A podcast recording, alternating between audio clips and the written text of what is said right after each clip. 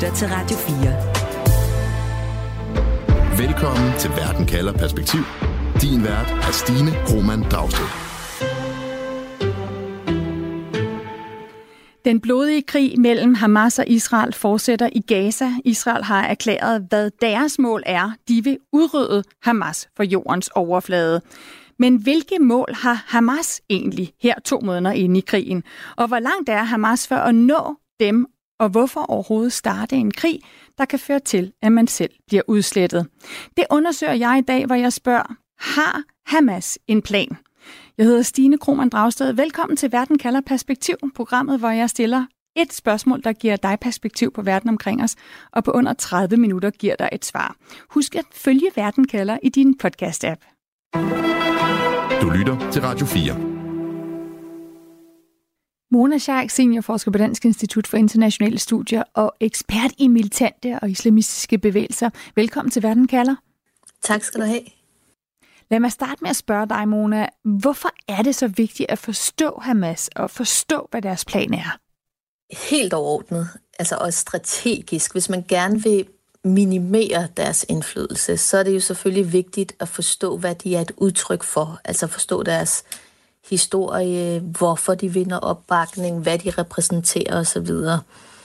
Øh, men hvis man skal tage det lidt mindre politiseret, så er det selvfølgelig også vigtigt for os som forskere at forstå motivationer, historie, historik, dynamik i konflikter for netop at kunne forklare, hvad det er, der sker lige nu. Og det at forklare et fænomen som Hamas, det er selvfølgelig ikke det samme som at retfærdiggøre den vold, som vi var vidne til i oktober, og som vi også er vidne til nu øh, efterfølgende.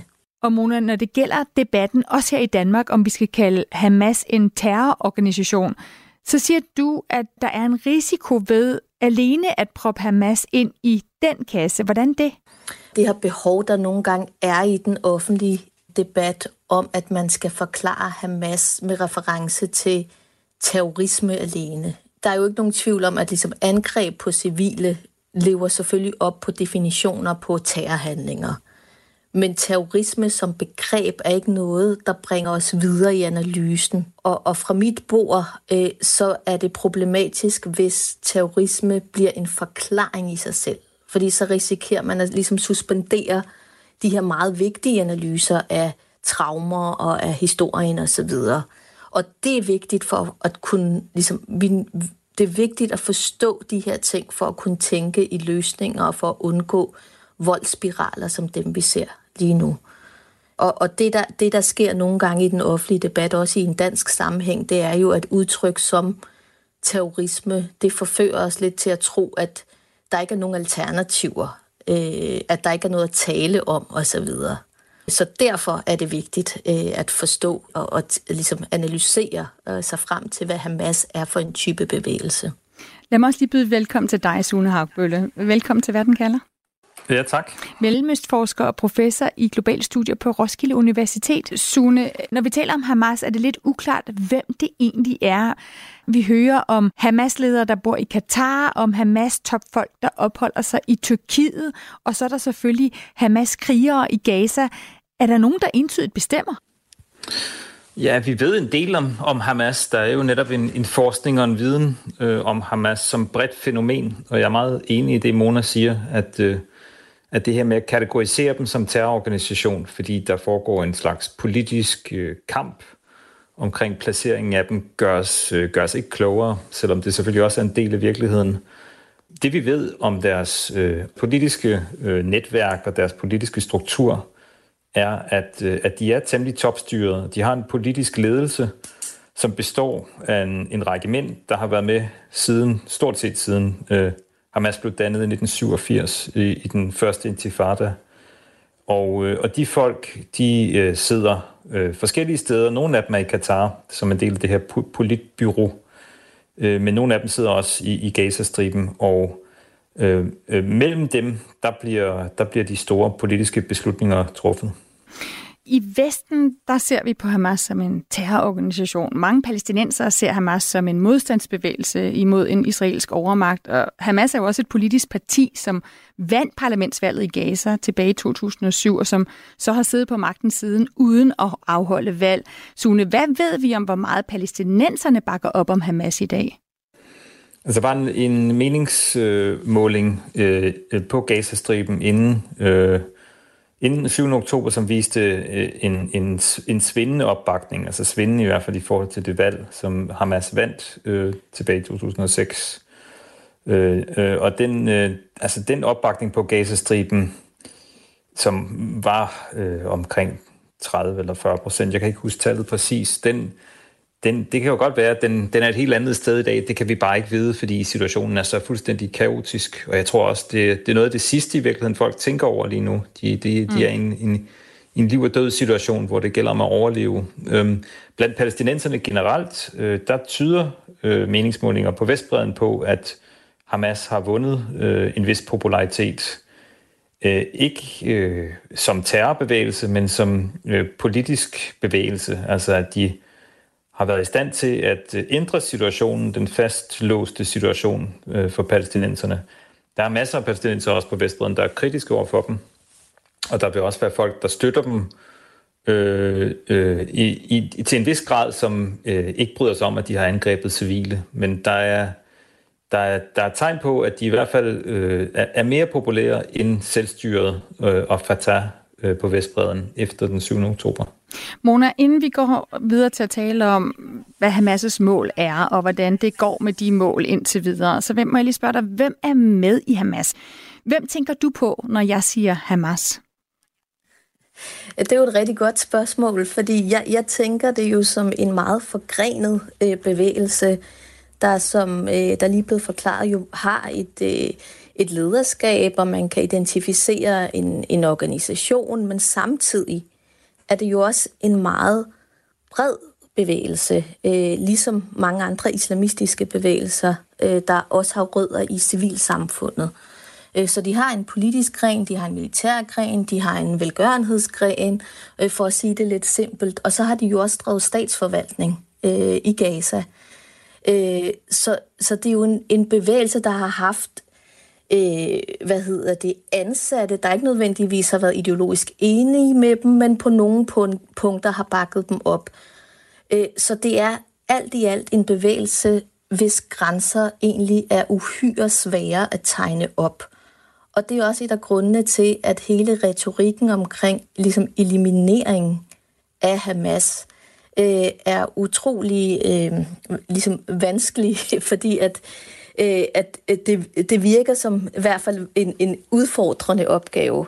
Det, de har jo ikke sådan et, ligesom, man kan jo ikke trække et medlemskort til Hamas, ligesom man kan, øh, ligesom hvis man har et øh, et medlemskort til et fitnesscenter. Øh, de har øh, en varierende opbakning, der historisk har ændret sig, går lidt op og ned, alt efter øh, ligesom konfliktniveauet med Israel. Øh, men, men jeg tror, det, det vigtigste øh, for, for offentligheden her, det er at blive mærke i, at det er en meget bred type bevægelse, mm. øh, som netop har øh, ligesom øh, mange facetter og mange, øh, mange forgreninger. Du lytter til Radio 4.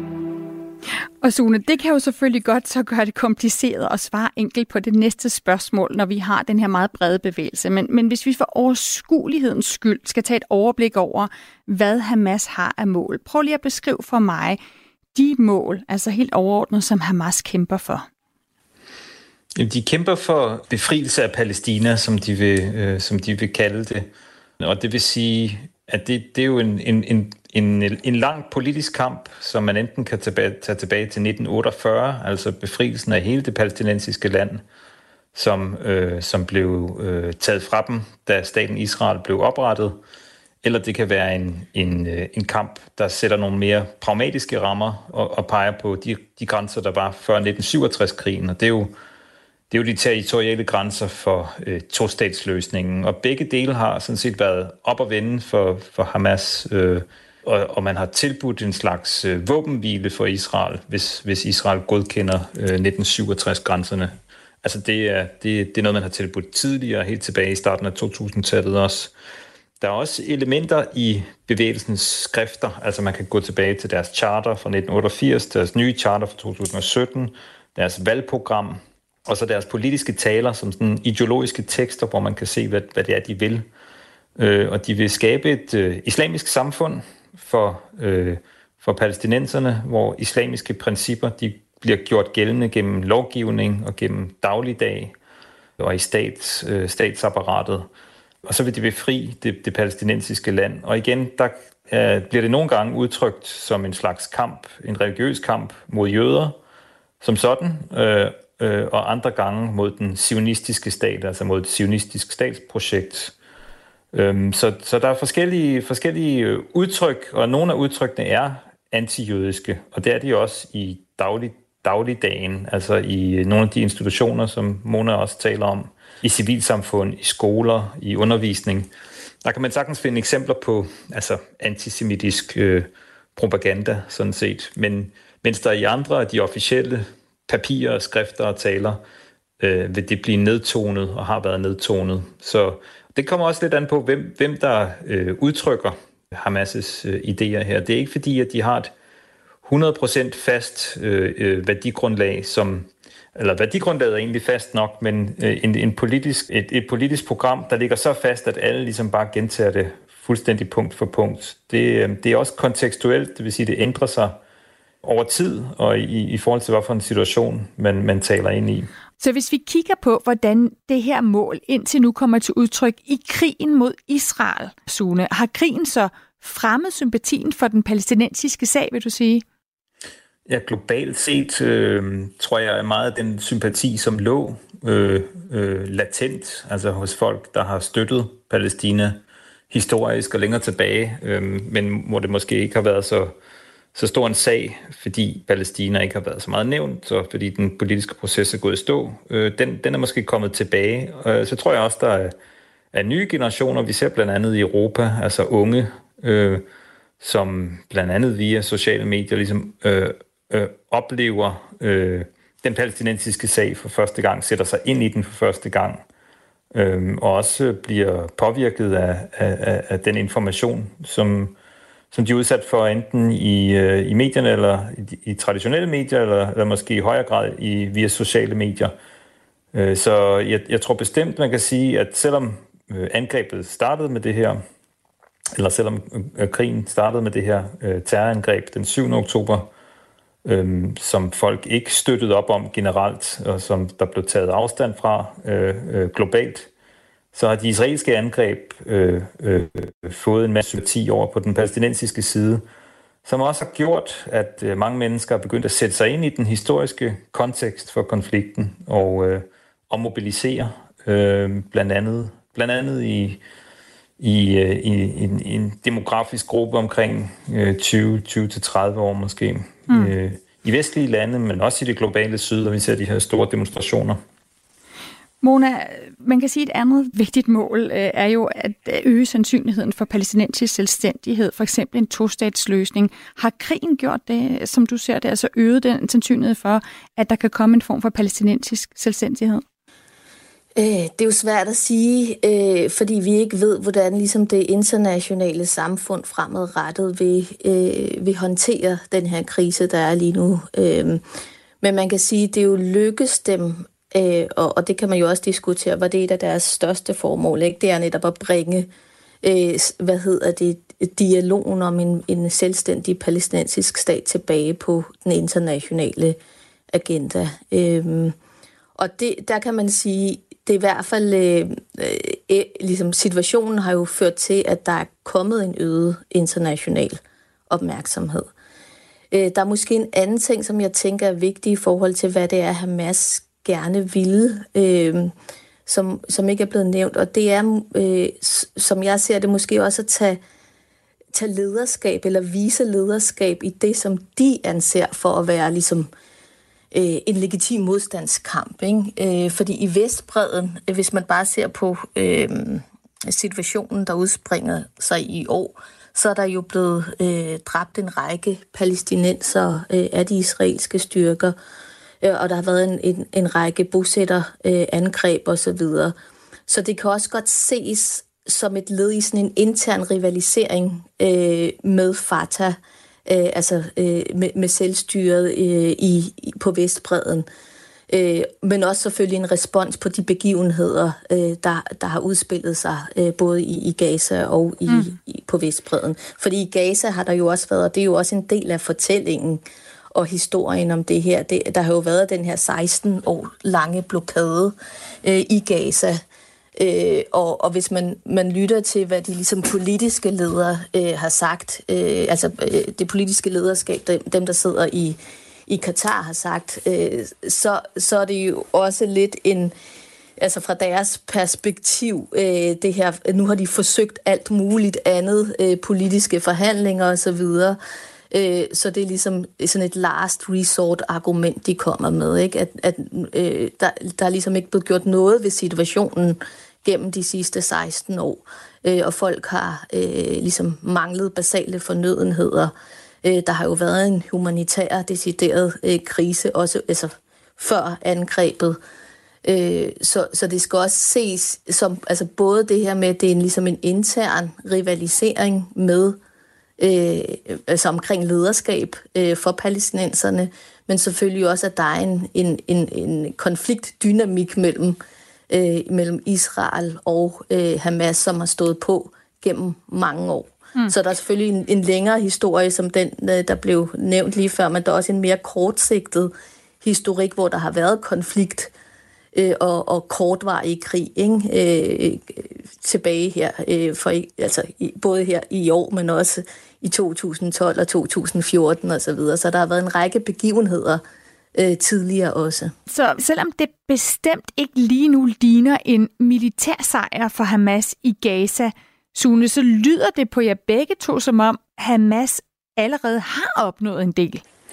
Ja, det har de, øh, og det er jo altså det, det, det er lidt bizarre i situationen, kan, øh, kan man roligt sige, fordi øh, Gaza ligger ødelagt fuldstændig øh, smadret. Øh, infrastrukturen skal, skal bygges op igen, og det, det kommer til at tage mange år. Øh, og rent politisk, øh, militært kan man også sige, at, øh, at de har mistet kontrollen med, med Gazastriben. De har ikke længere. Det er svært at forestille sig i hvert fald et scenarie, hvor Israel vil tillade, at de, at de genvinder kontrol. At det er dem, der ligesom er, er magthaverne, øh, når, når Gaza øh, skal genopbygges.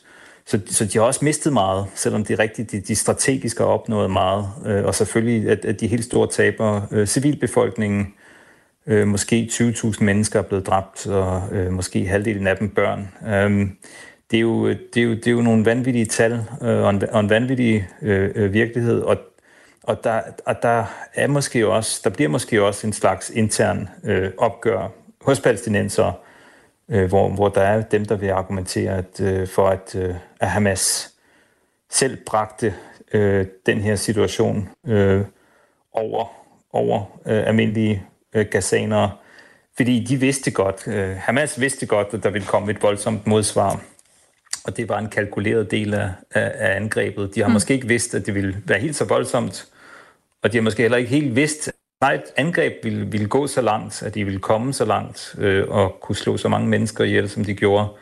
Så jeg er ikke sikker på, at alt, alt, alt er godt for Hamas.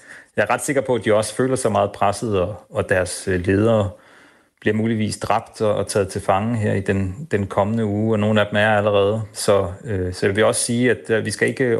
Øh, vi skal ikke puste den her øh, relativt sejr alt for meget op. Nej, men lad mig lige gribe den, fordi Mona, øh, kan man sige, at en sejr for Hamas er mere end en militær sejr. Altså at Hamas faktisk godt kunne se sig selv som en form for vinder, selvom deres ledere, selvom deres krigere i Gaza bliver dræbt.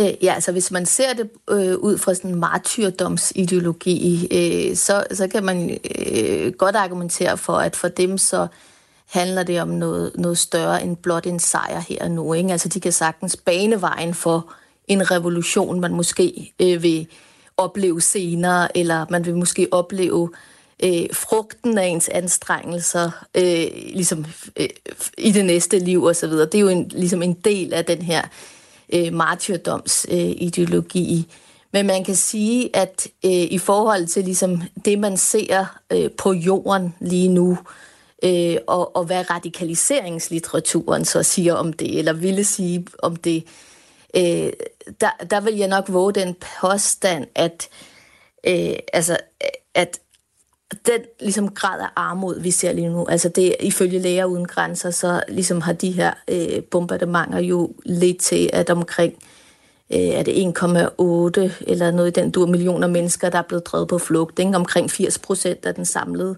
befolkning. Øh, folk mangler basale fornødenheder. Der er ikke adgang til til tilstrækkelig vand og mad og hvad hedder det, sundhedsfaciliteter. Alle de her ting, det er jo opskriften på radikalisering. Og det kan godt være, at man lykkes med at ødelægge Hamas' ligesom organisatoriske infrastruktur, få dræbt deres øh, ledere osv., øh, men, men der er jo ikke nogen garanti for, at der ikke opstår en, en, øh, en bevægelse, der er øh, Øh, ligesom, der er endnu mere uforsonlige eller kompromilløs i deres øh, ideologi, ligesom det, vi har set i andre konfliktsammenhænge. For eksempel øh, altså krigen mod terror i Afghanistan, mod al-Qaida osv. Altså der så man jo netop, at øh, hvad hedder det, flere, mere radikale grupperinger opstod. Ikke? Altså i kølvandet på al-Qaida, så opstod islamisk stat, øh, som ikke mente, at al-Qaida var, øh, hvad hedder det, kompromilløs nok. Og hvor meget, ligesom, øh, ligesom i Afghanistan, i Pakistan, i Irak, øh, mistede øh, øh, omkring en halv million mennesker livet i krigen mod terror. Mm. Øh, og og ud, ligesom, øh, udfaldet var jo øh, det, vi, det, vi ved i dag, at Taliban sidder på magten. Al-Qaida er der stadigvæk, og er der i flere lande, øh, end de var dengang de kun havde hovedsæde i Afghanistan, Pakistan. Øh, og vi har fået en tillægsorganisation, ikke, hvis man kan kalde det det, altså Så Mona, stat. Altså det du siger er øh, i virkeligheden to ting, hvis jeg bare lige skal opsummere, altså at øh, succes ikke bare kan måles på, om Hamas' kriger vinder kampen i, i Gaza, men at øh, den idé, Hamas repræsenterer en, en modstandskamp og en voldelig modstandskamp, dansk kamp, den kan leve videre, specielt når Israels krig på en eller anden måde en catch-22, hvor det, at man går så hårdt til værks i Gaza, også kan skabe en, en radikalisering. Jeg vil lige have jer begge to med til at komme med en konklusion på dagens spørgsmål. Radio 4. Ikke så forudsigeligt. Du lytter til Verden kalder, hvor jeg i dag spørger, har Hamas en plan? Sune Haugbølle, hvad er din konklusion på det spørgsmål? Jeg tror, de har en, en plan, ja, og jeg tror, de føler, at mange af deres øh, øh, øh, politiske, strategiske mål er blevet opnået. Status quo er smadret. Saudi-Arabien laver ikke øh, aftaler med Israel nu, og der er kommet en vis sympati for den palæstinensiske stat igen. Det kan også være, at der kommer øh, forhandlinger, men samtidig vil jeg holde fast i, at, øh, at de også øh, står som en, en temmelig ødelagt bevægelse på mange måder. Det er i hvert fald også deres egen status quo, der er blevet ødelagt. De har ikke længere Gaza som den her base, øh, og det er svært at se fremadrettet, hvordan de skal, skal få det igen. Mona Sheikh, hvad er din konklusion på dagens spørgsmål? Har Hamas en plan? De har formentlig mange planer, øh, og det afhænger af, øh, hvem det er, øh, man spørger, øh, hvilken gren af Hamas man spørger, om det er hardlinerne, eller om det er øh, pragmatikerne, om det er politikerne eller de militære ledere. Tusind tak for den konklusion til jer begge to, altså Mona Scheik og Sune Hagbølle. Selv tak. Selv tak. Mona Scheik, seniorforsker på Dansk Institut for Internationale Studier og ekspert i militante og islamistiske bevægelser, og Sune Hagbølle, mellemøstforsker og professor i globale studier på Roskilde Universitet. Programmet her er tilrettelagt af Mads Anneberg og af mig, Stine Krohmann Dragsted. Camilla Høj Eggers er vores redaktør. Husk, uanset hvad der sker, så er det lige her i Verden kalder, at du kan få svar på et afgørende spørgsmål. Det er mandag og torsdag, at jeg sender live, og så kan du altid gå ind og finde Verden kalder som podcast. Hvis du trykker følg, så får du leveret de seneste episoder lige til dig. Nu får du leveret en radiovis. Du har lyttet til en podcast fra Radio 4. Find flere episoder i vores app, eller der, hvor du lytter til podcast. Radio 4. Ikke så forudsigeligt.